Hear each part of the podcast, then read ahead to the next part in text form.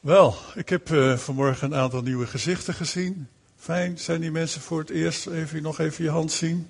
Als je voor het eerst bent. Of misschien ben je dan, uh, ja, zie je wel. Dankjewel. Welkom. Ik hoop dat je je thuis voelt bij ons. En anders laten onze gemeenteleden je wel thuis voelen. Straks bij de koffie komen ze naar je toe. En uh, geven ze je een hand, heten ze je welkom. En kan je zo eens wat kennis maken met mensen. Ik ben bezig al een aantal zondagen om te spreken over verbondenheid. Weet jullie dat nog? Verbondenheid. Dat God ons heeft geschapen als mens voor verbondenheid. Een heel belangrijk iets. God, Vader, Zoon en Heilige Geest zijn met elkaar verbonden. God zag de mens toen hij hem schiep en hij, hij zag dat die mens alleen was. De mens was wel verbonden met hem, maar nog niet met een ander. God heeft ons geschapen voor verbondenheid. Dat is iets wat wij nodig hebben. En hij schiep Eva. Maar verbondenheid gaat verder dan alleen maar natuurlijk huwelijk, huwelijksverbondenheid. Verbondenheid gaat ook, hè, en daarom is het ook zo mooi dat we gemeente mogen zijn, het gezin van God. Dat wij hier ook verbondenheid met elkaar gaan oefenen en ervaren zoals God dat heeft bedoeld. Ja, toch? Ik, er staan in ieder geval al vier Um, vier keer uh, kun je het al vinden met vandaag mee op de site. En ik zou zeggen, als je dat wil horen, terug wil horen, dan moet je dat zeker doen. Uh, want de vorige keer heb ik, um, een paar zondagen terug, ben ik begonnen om te spreken over hoe versterk je nou verbondenheid met God? En hoe versterk je nou verbondenheid met elkaar? En dat geldt natuurlijk ook voor mensen die getrouwd zijn met je met, met, met je echtgenoot. En ik heb als eerste sleutel aangegeven: leer om jezelf lief te hebben. heb de naaste lief, heb je naaste lief als jezelf. Er zijn zoveel mensen die gewoon zichzelf haten. Die niet blij zijn met zichzelf. Hoe kun je blij zijn met een ander als je niet blij bent met jezelf? Hoe kun je liefde ontvangen als je, geen, uh, als je niet houdt van jezelf? Dat, en dan luister naar die preek een andere sleutel die ik gegeven heb is hoe versterk je verbondenheid met God en met elkaar? Door God groot te maken, te waarderen voor wie Hij is. Maar dat moeten we ook leren naar elkaar toe. Ook binnen een huwelijk. Spreek het uit. Vind er woorden voor. Doe er dingen voor. Naar God toe, maar ook naar mensen. En dat is best wel iets wat wij moeten leren je kan wel zeggen, ja, ik ben gered, ik ga naar de hemel.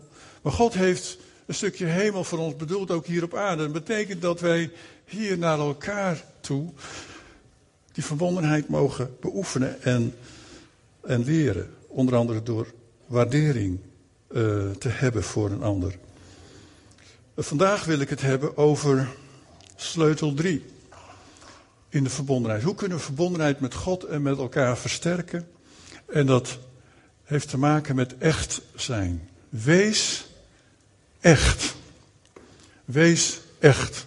Daar wil ik het hebben over uh, vanmorgen. uh, het is zo makkelijk om schuil te gaan achter een masker. Wij hebben allemaal maskers op. Zeg maar niet dat het niet zo is. Het is zo. Het is zo. Zoals we hier komen. En, en, en soms dan voelen we ons rot en dan komen we in, in, in, zondagmorgen in de gemeente. En dan, en dan kom ik naar je toe bijvoorbeeld en zeg ik, hoe gaat het met je? En dan zeg je, ah goed. Terwijl het misschien niet zo is. Dat zeg je van achter je zondagse masker. Dat is mijn zondagse masker. Dat is mijn uh, zondagmorgen gemeente, uh, naar de gemeente toe gaan uh, masker. Ja, niet erg hoor. Maar dat heeft nog niet te maken met echt zijn.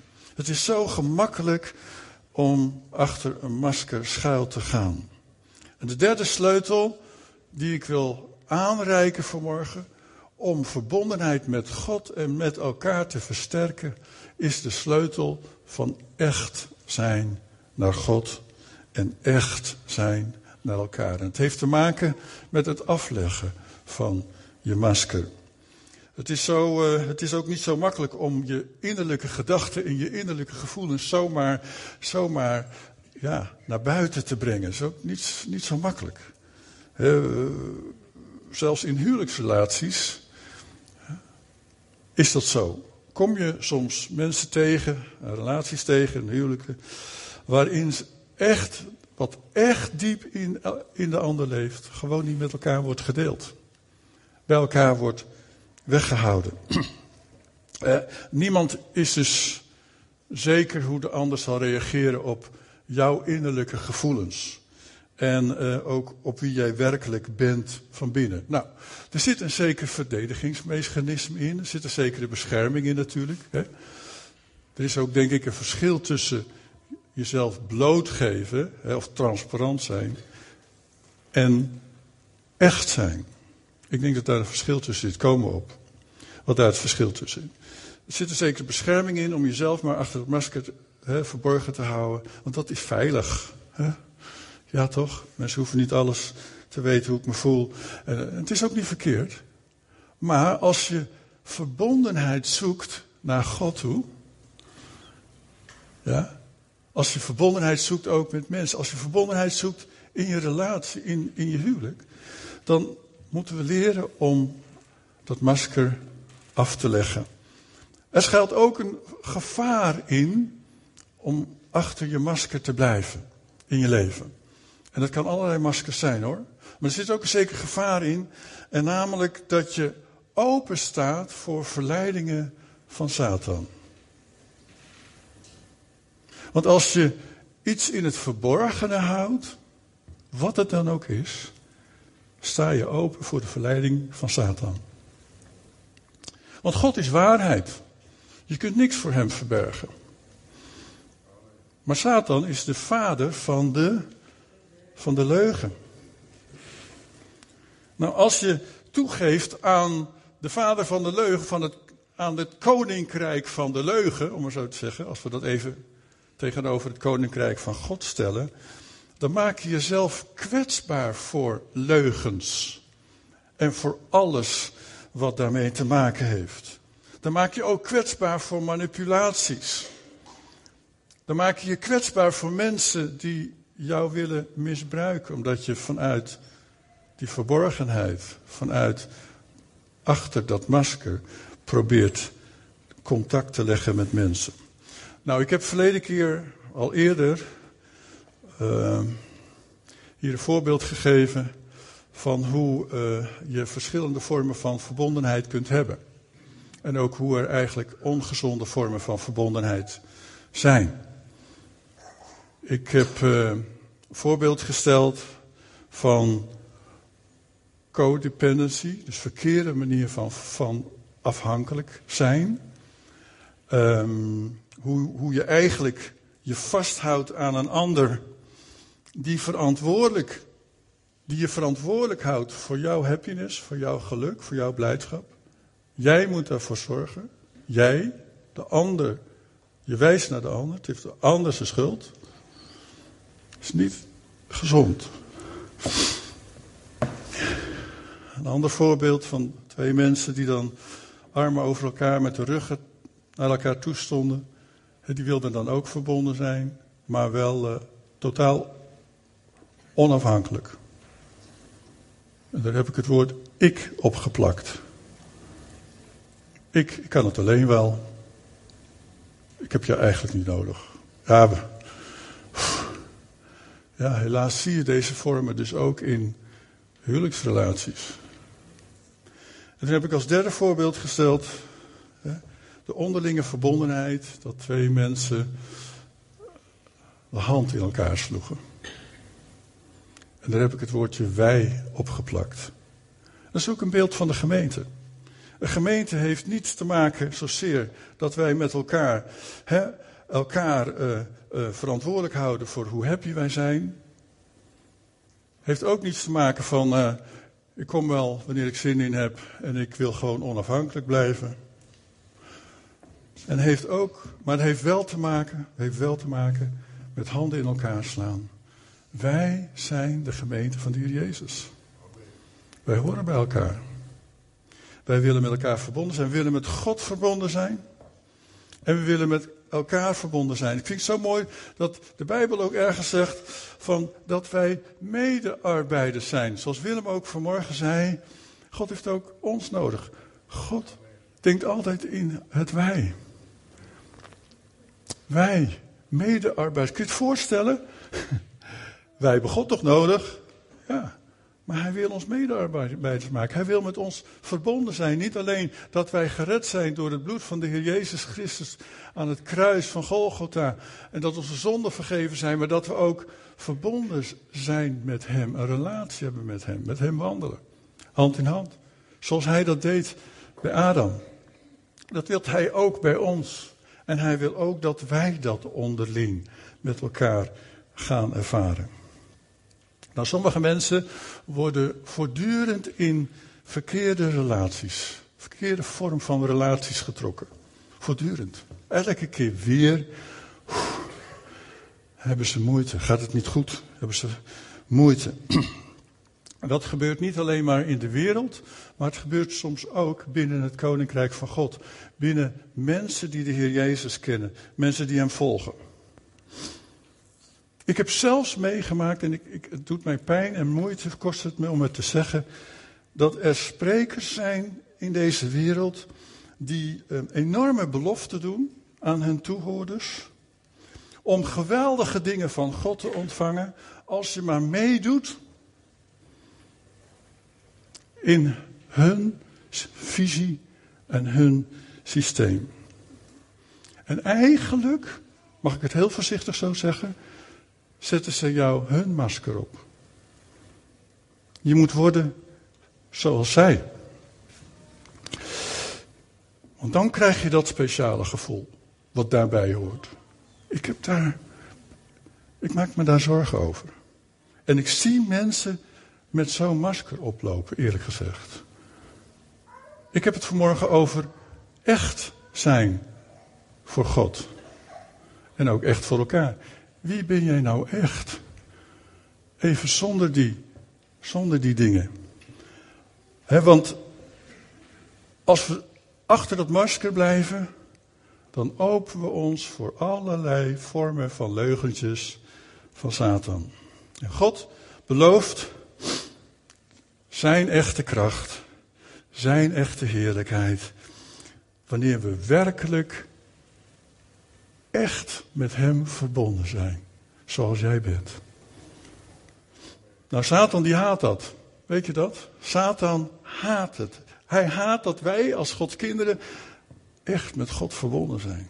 Dat wil hij niet. Hij haat het ook als wij als Gods kinderen echt met elkaar verbonden zijn. Satan wil dat niet. En daarom brengt hij het liefst verdeeldheid, ook onder Gods kinderen. Verdeeldheid heeft niet alleen maar te maken dat wij ja, met eens moeten zijn met een bepaald iets. Of dat wij misschien van karakter verschillen. Maar verdeeldheid heeft ook te maken dat Satan gewoon niet wil dat wij één zijn. Hij wil dat gewoon niet. Hij wil die verdeeldheid brengen. Hij wil ons achter, ieder achter zijn eigen maskertje houden. Maar als we dat afdoen, voor God, Zeggen, Heer, ken mij. Ken mij. Ken mijn hart. Ik wil niets voor u verborgen houden. U kent alles. Maar dat geldt ook voor ons onderling. Dat we elkaar leren kennen. Nou, kom ik straks nog heel even op terug. Wat houdt dat dan in? Satans strategie is dus, dus hoe houdt hij ons apart van God? En hoe houdt hij ons apart van elkaar? In plaats van dat wij ons verbonden weten met God en verbonden weten van, met elkaar in de Heer Jezus Christus. Hij liegt ons altijd voor. Hij verleidt, verleidt ons om, um, om een leugen te leven. Er komt heel veel, ja, laat ik zo zeggen, heel veel gezoem, wat ik vaak wel eens hoor, ook in Nederland, ook wel eens ook eens in de gemeente, ook eens in andere gemeenten.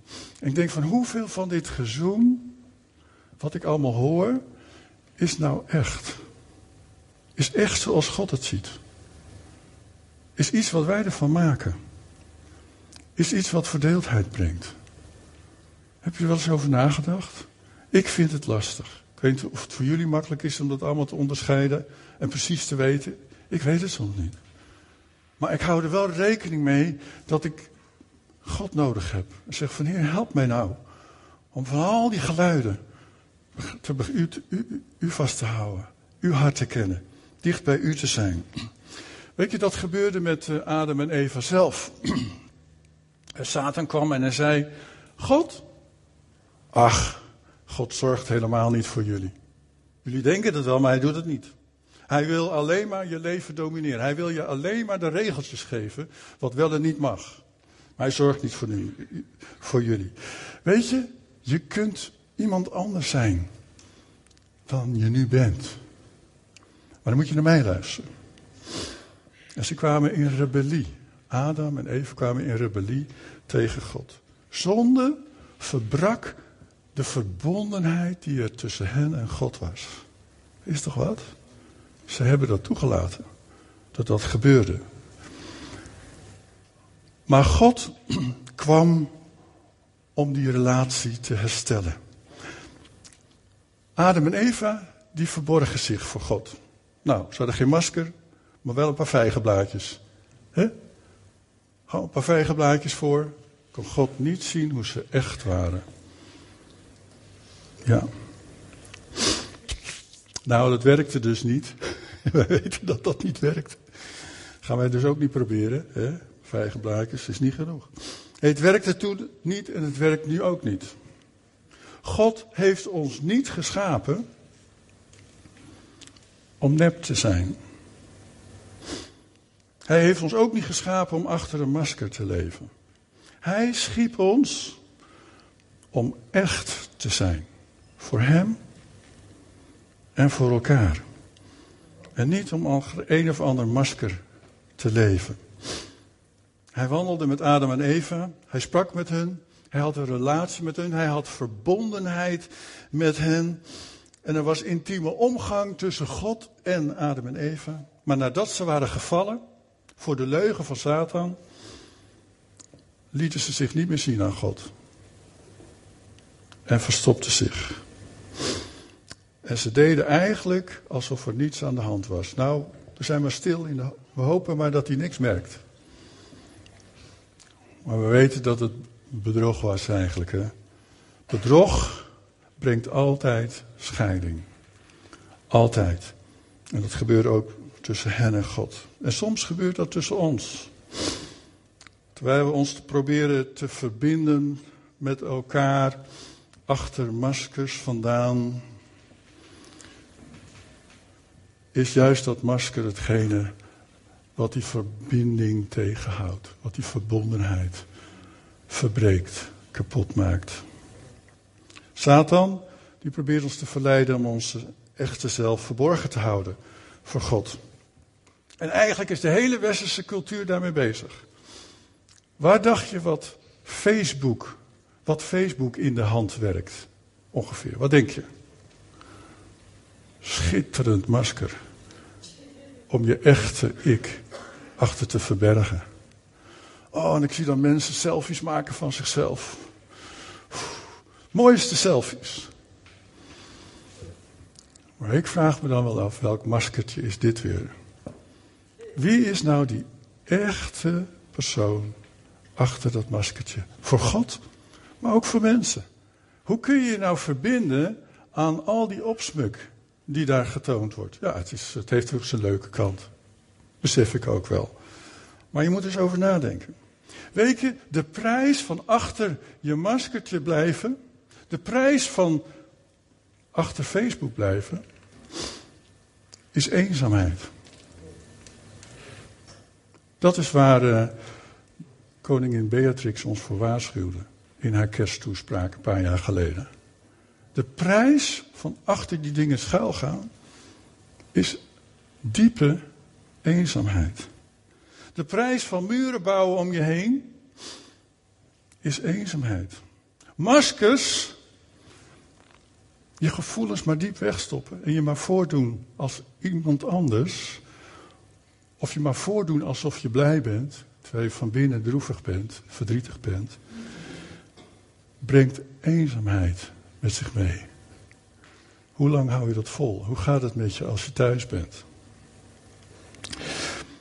De muren van je hart, dat masker, dat beschermt je niet alleen, Maar dat isoleert je ook van God en van mensen. En eigenlijk maak, bouw je voor jezelf een soort gevangenisje van eenzaamheid. Je kunt getrouwd zijn, maar toch eenzaam. Ik ken die mensen. Je kunt in een kamer vol met mensen zitten, maar van binnen toch eenzaam. Je kunt populair zijn en toch diep eenzaam van binnen. Je kunt rijk zijn, alles kunnen kopen in deze wereld, maar van binnen eenzaam zijn. Je kunt denken dat je een geweldige ster bent, maar van binnen diep eenzaam. En we kennen dat ook. Hè, van hoeveel popsterren in deze wereld maken een eind aan hun leven. Wereldberoemd. Maar het is zo'n dik masker wat ze op hebben. Van binnen gaan ze kapot. Geen relatie met God, geen relatie met mensen. Vreselijk. Vreselijk. En eenzaamheid betekent niet alleen dat je alleen bent, maar het is ook het resultaat van je eigen geschapen gevangenisje, waar je in gevangen zit. Het is niet alleen maar dat je geïsoleerd bent, het is een muur die je om je heen hebt, waardoor niemand kan zien wie je nou echt bent. Wie ben je nou echt? Zo maken we allerlei muren om ons heen, zetten allerlei maskers op, zodat niemand eigenlijk kan zien wie we nou echt zijn van binnen. Soms zetten we een bepaald masker op omdat wij waardering zoeken bij andere mensen. Soms zoeken we een bepaald masker op, zetten een bepaald masker op omdat wij ja, andere mensen willen pleasen. Nou, ik zet dat soms ook op. En dan spreekt de Heer mij aan en zegt: Niet doen. Niet doen. Is niet echt. Hoe makkelijk, hoe makkelijk doen we dat niet, hè? Hoe makkelijk doen we dat niet? Soms dragen we een, masker omdat we bang zijn dat we afgewezen worden. Diep, ons diepe innerlijk heeft daar pijn van gehad. We hebben daar schrammen en krassen van op onze ziel. En dan zetten we maar een masker op. Een masker van acceptatie, waarin we hopen dat, dat de ander ons niet zal afwijzen, maar zal accepteren. We bouwen soms een onzichtbare muur om ons heen, zodat niemand ons pijn kan doen. Maar weet je, niemand kan jou helpen, niemand kan jou liefde geven, echte aandacht geven, echte warmte geven. Als jij, de, als jij geen ramen en deuren in de muren van jouw hart gaat maken, die je open kan zetten. En gelukkig, gelukkig gebeurt dat. want dit klinkt nou allemaal heel, eh, heel zwaar. Weet je, de Heer Jezus is gekomen om ons vrij te zetten. Vrij te laten uit ons eigen gevangenissen, die we soms voor onszelf gebouwd hebben. Hij wil onze echte ik aanraken. Hij wil doordringen tot het diepst van jouw hart. Met zijn liefde, zijn genade. Dan, dan kunnen we, zoals ook een van onze mensen, een broeder vanmorgen ook zei, dan kunnen we ook gaan leren, leven en staan van, in die liefde van Jezus. Maar dat, dat kan alleen echt als Hij daarbij mag komen. Eh, een van de meest aangrijpende delen in de Bijbel vinden we terug in Johannes 4. In de ontmoeting van de Heer Jezus met de Samaritaanse vrouw. En dan gaat de Bijbel open. Want dan begrijpen jullie ook uh, de diepte van dit gedeelte. Hij leerde een Samaritaanse vrouw om echt te zijn. Hij leerde een Samaritaanse vrouw om echt te zijn. Nou, deze vrouw had hopeloze relaties. een grote chaos en een grote puinhoop in haar leven. Als je spreekt over maskers, dan had zij er wel een paar, uh, paar op. Met meerdere maskers liep ze rond, waarachter ze zich verschool. En waardoor ze continu aangeklaagd en geplaagd werd. Want als, ja, als je achter een masker gaat leven, leef je met een leugen. Ze leefde in een kleine stad, het is ook nog wel eens lastig. Ik weet niet hoe groot die stad was, maar het was een kleine stad. Maar ze was gescheiden. Niet één keertje, maar ze was vijf keer achtergelaten door een man. Vijf keer. Vreselijk. En de man waar ze nu mee leefde, die wilde niet met haar trouwen. Nou, daar spreekt de hele stad over natuurlijk. Dat was, dat was in dat kleine stadje daar toen, dat was een schande. Nou, ze hield zichzelf sterk. Doen wij soms ook, hè. Toen houden we onszelf sterk. En, en soms kan dat ook weer opnieuw een masker zijn. Een masker van sterk willen zijn. En ze was eigenlijk aan het overleven. Vijf keer getrouwd geweest. Maar ze redden het niet. Ze redden het niet om verbondenheid te vinden. Om verbondenheid te vinden met een ander. In haar huwelijk. Om het heel te houden. Wat was haar niet allemaal beloofd door deze vijf mannen? Die ze eerst, waar ze mee getrouwd is geweest. Nou, die zullen haar van alles beloofd hebben. Roze geur en maneschijn. Ik weet niet hoeveel roze brillen zij heeft opgekregen van deze mannen. Mooie dingen die ze misschien haar hebben voorgehouden. Toezeggingen. Maar wat moet ze zich gebruikt hebben gevoeld? Dat deze mannen allemaal de relatie met haar verbruiken. Elke keer werd ze gedumpt. Vreselijk. Als je het hebt over iemand die beschadigd zou kunnen zijn, dan heb je het hier toch wel over een vrouw. Nou, onder de Joodse wet kon een man ja, vrij makkelijk scheiden. Klinkt raar, maar door middel van een scheidbrief. Zelfs als een vrouw gewoon uh, onrein, in onreinheid leefde, dat bedoel ik niet met een andere man, maar gewoon er waren allerlei reinheidswetten. Uh, uh, dan kon een man op een gegeven moment gewoon zeggen van ik wil niet meer met je verder scheidsbrief maken. En dan was die vrouw stond op straat. Maar een vrouw kon met, alleen maar met heel veel moeite, heel veel moeite, kon scheiden van een man. Nou, vijf mannen hadden dus een reden gevonden om van haar af te komen. Vijf keer werd liefde, blijdschap, hoop, geluk, echte verbondenheid, echte verbondenheid waar zij naar verlangde, werd kapot gemaakt. Stuk. Vijf keer. Nou, vijf keer teleurgesteld, vijf keer afgewezen. En nu, nu leefde ze met een man die niet met haar wilde trouwen. En de Bijbel zegt daarover, dan leef je in overspel. Dan leef je in overspel. Waarom zou ze opnieuw trouwen? Waarom zou ze opnieuw, opnieuw afwijzingen riskeren? Dan maar leven achter een masker. Dan maar leven vanuit een, een, een, een leugen. Dan maar doen, net doen alsof. En ze wist, wist wel dat het verkeerd was dat ze zo leefde. Maar kon je nog wel iemand vertrouwen? Er was dus niemand die zich wilde, uh, niemand die zich wilde committeren aan haar. Nou, afwijzing kent zoveel vormen. Ik weet niet of je er zelf wel eens last van hebt. Ook ik heb er wel eens last van. We hebben allemaal wel eens last van afwijzing. Dat voelt niet fijn. Dat doet pijn van binnen. En je bent geneigd om dat te bedekken. Dan maar. Dan maar een masker op.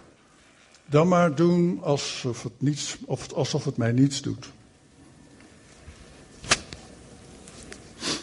Maar de pijn van verbrokenheid, verbroken verbondenheid, de pijn van verbroken vriendschappen, de pijn van verbroken veilige omgang met andere mensen, ja, die draag je wel diep in je hart.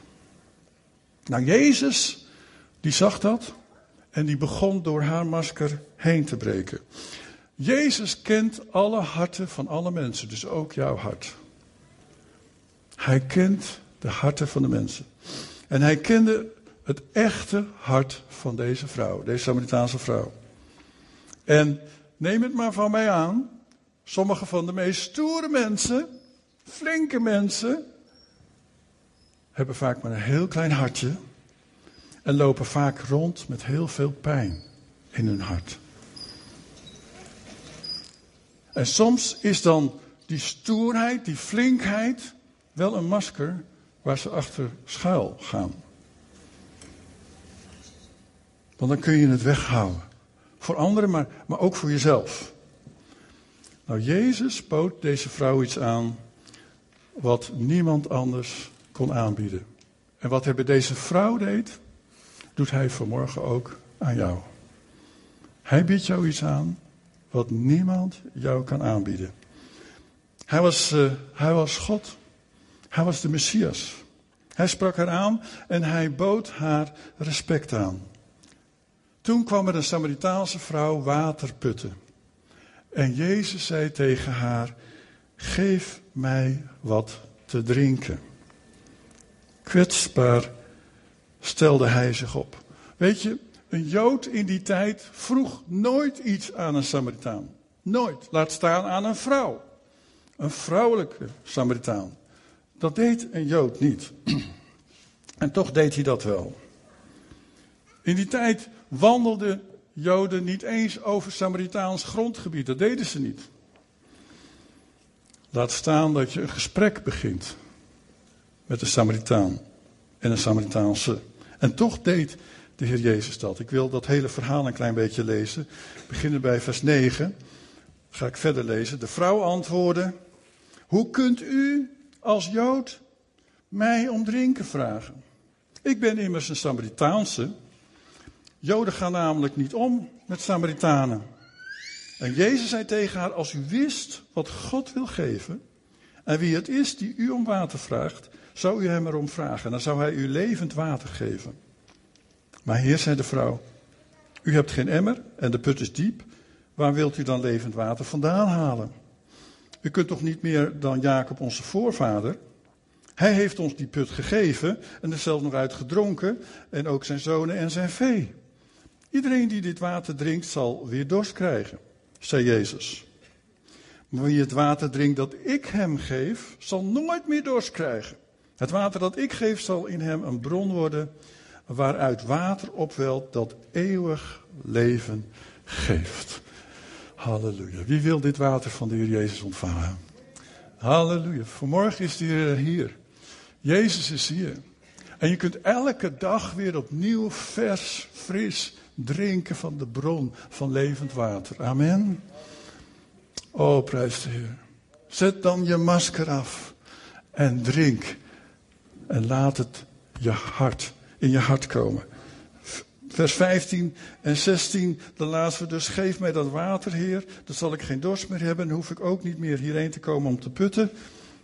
Dan gaan we verder lezen. Toen zei Jezus tegen haar, ga uw man roepen, eens roepen, en kom dan weer terug. Wat deed de Heer Jezus hier? Waarom raakte de Heer Jezus in haar het meest pijnlijke aan wat op dat moment in haar leven was. Waarom deed de Heer Jezus dat?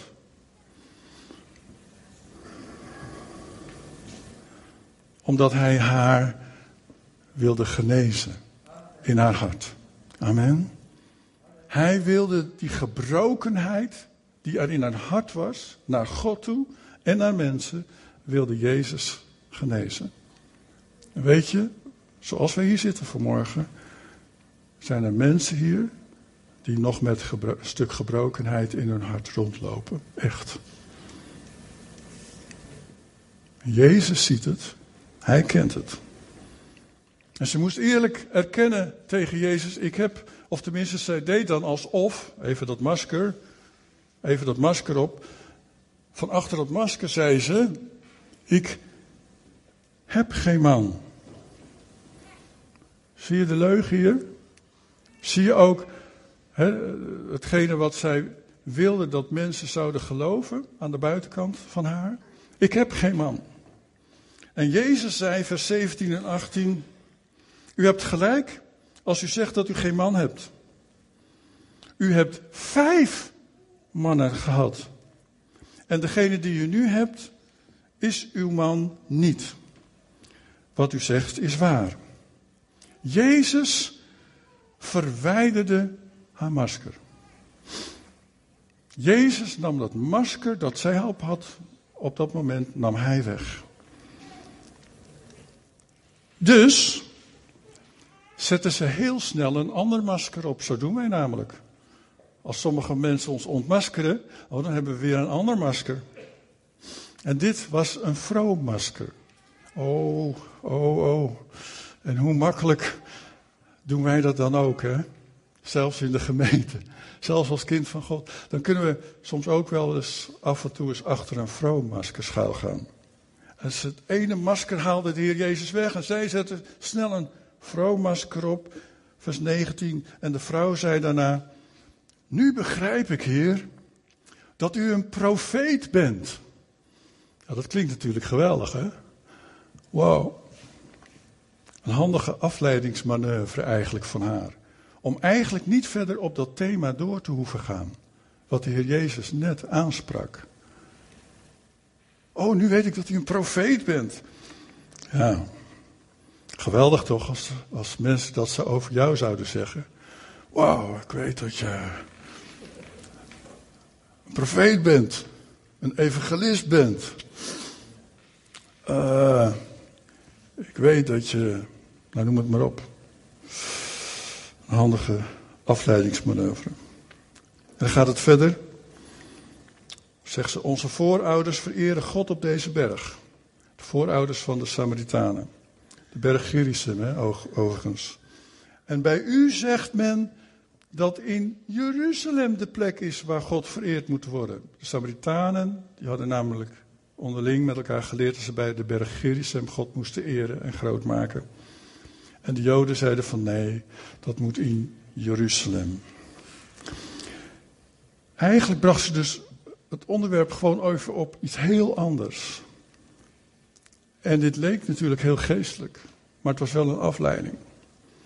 Met andere woorden, ze zei van waar moeten Samaritanen eigenlijk God groot maken? Hier, hier bij de berg Gerizim? Of zoals jullie zeggen, bij, in Jeruzalem? Nou, het ging dus helemaal niet meer over haar vijf mannen. Het ging helemaal niet meer over wat de Heer Jezus aansprak. Dat masker had ze afgezet en ze had alweer een ander masker op. Vers 21 tot 26. Geloof me, zei Jezus. Er komt een tijd dat jullie nog op deze berg, nog in Jeruzalem, de Vader zullen aanbidden. Jullie weten niet wat je vereert, maar wij weten dat wel. De redding komt immers van de Joden. Maar er komt een tijd, en die tijd is nu gekomen, dat wie de Vader echt aanbidt. Mooi hè, dat woordje echt. Wie de Vader echt aanbidt, hem aanbidt in geest en in waarheid. De Vader zoekt mensen die hem zo aanbidden. Want God is geest, dus wie hem aanbidt moet dat doen in geest en in waarheid. De vrouw zei, ik weet wel dat de Messias zal komen. Dat betekent de Messias, de gezalfde. Wanneer hij komt, zal hij ons alles vertellen. En Jezus zei tegen haar: Dat ben ik. Degene die met u spreekt. En Jezus die toonde aan haar eigenlijk meer dan alleen maar zijn afkomst. Wat hij hier natuurlijk hier duidelijk maakte. Eigenlijk zei hij tegen haar: Ik ken alles van je. Ik weet wat er achter dat masker van jou schuil gaat. Ik weet het. Want ik ben God. Ik ken alle harten van de mensen. Ik ken jouw hart. Ik weet wat er achter schuil gaat. En ik hou even goed van je. Ik hou even goed van je. Ik heb je even goed lief. Met wat voor masker je ook op, hè, wat je ook op hebt. Jezus zegt tegen jou vanmorgen: Ik hou even goed van je. Maar echtheid verbindt ons dus, versterkt de verbinding naar God toe. Maar echtheid versterkt ook de verbinding onder elkaar. Dat zie je in huwelijken, maar dat zie je ook in de gemeente. Als je echt durft te zijn, lieve mensen, als wij een gemeente willen zijn die echt is, dan moeten we leren om die maskers gewoon af te zetten. Het is niet erg als je je verdrietig voelt. Mag je gewoon leren uiten. Ja, dat zal in het begin eng zijn. En het is ook niet elk moment is er ook niet geschikt voor. Maar er zijn genoeg momenten waarin je echt mag zijn. En dat is zo prachtig. Dan, dan, kun je samen misschien naar God toe gaan op dat moment, om dat bij de Heer te brengen. Maar het verbindt harten van mensen met elkaar. Waarom dacht je dat wij kringen hebben? Waarom denk je dat wij kringen hebben in de gemeente? Want juist in die huiskringen kun je veel makkelijker dat masker afzetten en je hart delen. Het is veel veiliger. Nou, hier kan het ook. Maar het is veel veiliger. Kies daar dan ook voor. om, om, om ook dat te ontvangen en te leren van God. om verbondenheid met Hem te laten groeien, maar ook je verbondenheid met anderen. En de beste plek daarvoor is de huiskring. Echt waar. Ik weet wel dat het soms moeite kost met je agenda en je hele drukke leven, maar ik wil je daar echt toe uitdagen. Vers 29. De vrouw liet haar kruik staan, ging terug naar de stad en zei tegen de mensen daar: Kom mee. Er is iemand die alles van mij weet. Zou dat niet de Messias zijn? Er is iemand die alles van jou weet. Gelukkig maar. Hè? Ja. Je mag echt zijn voor God. Voor God hoef je, mag je achter je masker vandaan komen. Mag je dat afleggen. En je zal merken dat je verbondenheid met God groeit. Maar die, als je verlangt naar verbonden te zijn met je broers en zussen in de Heer, dan is dat toch ook een uitdaging en een les die wij mogen leren door onze maskers dan ook af te leggen. En eerlijk te zijn en echt te zijn. Ik zal je levend water geven, zei hij. Ik zal je levend water geven, zegt hij tot jou vanmorgen. met dat levend water van God in je hart hoef je geen masker op te hebben. Hoef je geen stoerigheid voor te doen. Hoef je geen succes voor te doen. Hoef je niet te doen alsof je heel sterk bent, alsof je veel geloof hebt. Zet dat masker maar gewoon af. Want hij heeft levend water voor jou. Oh, halleluja. Dat is het beste waar wij vanmorgen van kunnen drinken, wist je dat? Straks koffie, maar eerst levend water. Eerst levend water en dan de koffie. Ik zal je levend water, zei de Heer Jezus. Maar zet nou eerst even je masker af. Wees echt voor mij. Verstop je niet. Stop met al die verborgenheid ook in je leven. Ze moesten puin op van haar leven, moesten in de ogen kijken. De gebrokenheid, Waar ze eigenlijk, en de, en de verbondenheid waar ze eigenlijk zo naar verlangden, moesten recht in de ogen kijken. En Jezus zag het. God vraagt niet aan ons of wij volmaakt zijn. Lieve mensen, ook niet hier in Leefzutphen. Het leven met Jezus is elke dag weer drinken van het levend water. Amen. En we, we, houden elkaar hier niet langs een meetlat om te kijken of je vandaag wel een stukje uh, geestelijker geworden bent. Nee, drink maar van het levende water. Leg die maskers maar af. Oh, wees maar echt voor God. En wees maar echt voor elkaar. En je zult zien dat de verbondenheid met God toeneemt. Meer intimiteit. Maar ook de verbondenheid met elkaar. Dat we meer en meer ons als broers en zussen voelen dat wij het lichaam van Christus zijn. Jezus kwam niet voor de volmaakte mens. Hij kwam voor de zondaar. Hij kwam voor de zieke. Hij kwam voor de onrechtvaardigen. Hij kwam voor de ongerechtigheden. Daar kwam hij voor om gerechtigheid te brengen. Om te genezen. Om zonde te vergeven. Nou, twee handvatten, daar eindig ik mee. Twee handvatten tot echt authentiek leven. Nummer één, wees eerlijk naar jezelf. Als je morgens echt in je eigen hart kijkt. En je kijkt eens, wat heb ik nou achter maskertjes verborgen? Wat hou ik eigenlijk verborgen achter maskertjes? Wees daar eens eerlijk over. Je kunt vanmorgen bij Jezus komen zoals je echt bent. Amen. Is dat niet geweldig? Je kunt bij Jezus komen zoals je echt. Die maskertjes, doe ze maar even weg. Voor Jezus, doe ze weg. Als je eerlijk bent tegen God, echt eerlijk, kun je ook eerlijker leren zijn naar andere mensen. Als je begint bij God, om daar die verbondenheid te versterken, kun je ook eerlijker zijn naar andere mensen om je heen. En het voelt geweldig. ik ken het van mijn leven. Soms moet ik het weer mezelf voorhouden.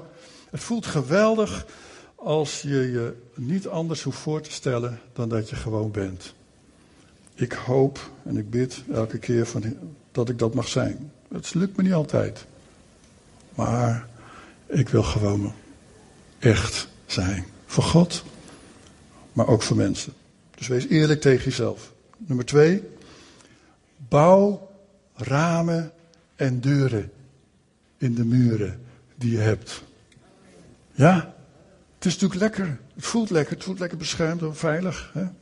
Mensen hoeven dat niet te weten. Oh. Maar bouw, als je verlangt naar verbondenheid met andere mensen, met God, bouw ramen en deuren in de muren. Hè? Echt zijn heeft ook, niet, uh, heeft ook niet de betekenis van dat je in een glazen huisje moet leven. Transparant. Daarom geloof ik niet in transparantheid dat dat een Bijbels principe is. Transparantheid is bloot. Ik geef mezelf niet bloot. Dat doen streakers op straat. Kennen we dat nog? Dat is van, 20 jaar, van 50 jaar geleden. 50 jaar geleden. Trokken mensen hun kleren uit en die renden de straat over. Nou, dat, dat bedoel ik niet. Dat heeft niets te maken met echt zijn. Echt zijn betekent dus niet dat je in een glazen huisje hoeft te leven. Oh, iedereen ziet het. Nee, helemaal niet. De Bijbel wil dat wij authentiek zijn. Eerlijk. Geen maskertje op. Leg ze maar af. Zullen wij stil worden voor God? Zullen wij stil worden? Allemaal even stil zijn. Onze ogen sluiten. En naar de Heer gaan. Ieder voor zich. Heer, u kent mij. Heer, ik wil leren echt te zijn voor u. Heel echt. Heer, ik wil groeien in verbondenheid met u. En Heer, al die maskertjes waar ik me achter verschuil, verbreekt die verbondenheid met u. Heer, neem help mij om het weg te doen, om het af te doen. Echt te zijn. Authentiek te zijn. U kent al mijn zwakheden. U kent al mijn fouten. U kent alles wat verkeerd is gegaan. Alles wat ik met me meedraag. Heer, ik wil drinken. Drinken van het levend water. Ik wil drinken, ik wil ontvangen van u op deze morgen. U kent mijn leven, ik wil meer ontvangen van u. Heer, zelfs als het misschien een vroom maskertje is waar ik me achter verschuil. Heer, wilt u het wegnemen? Ik wil het afleggen, want ik wil echt zijn. Ik wil helemaal echt zijn voor u. En help ons allemaal, Heer, om dat ook te zijn naar elkaar toe. Om echt te zijn. U kent de beschadigingetjes waar we mee lopen. U kent de muurtjes die we hebben gebouwd. Om ons veilig achter te verschuilen. Help ons om deuren en ramen te maken. Help ons om deuren en ramen te maken. Help ons om verborgenheden bij het kruis neer te leggen. Daar achter te laten. En te drinken van het levend water. Dank u, Heer. Dank u, Heer. U ziet mijn hart. U ziet ons hart. Dank u, Jezus. God. Was de Heer in ons midden vanmorgen, denk je? Was diezelfde Jezus hier? Amen. Na de dienst hebben wij altijd een plekje. Een heel bijzonder plekje. Als je zegt van, ik wil nog even met iemand napraten of nog samen bidden. Ik heb het nodig. Ik moet misschien ook iets, iets beleiden. Oh, dat geeft zoveel ruimte, weet je dat? Dat geeft zoveel ruimte. Iets wat je misschien verborgen hebt gehouden en je mag het neerleggen bij het kruis van Jezus. Drinken van het levend water. Is dat niet geweldig? Amen. Zijn jullie blij vanmorgen eigenlijk? Oké. Amen. Ik geef het terug aan Willem. Willem, wil jij, uh, gaan we zo nog misschien nog een lied zingen ook? De muzikanten die we hebben. Prachtig stel. Waar is ons muziekteam? Oh, daar zijn ze. Ja. Mooi, dankjewel Peter. Ben ik te horen? Ja hè?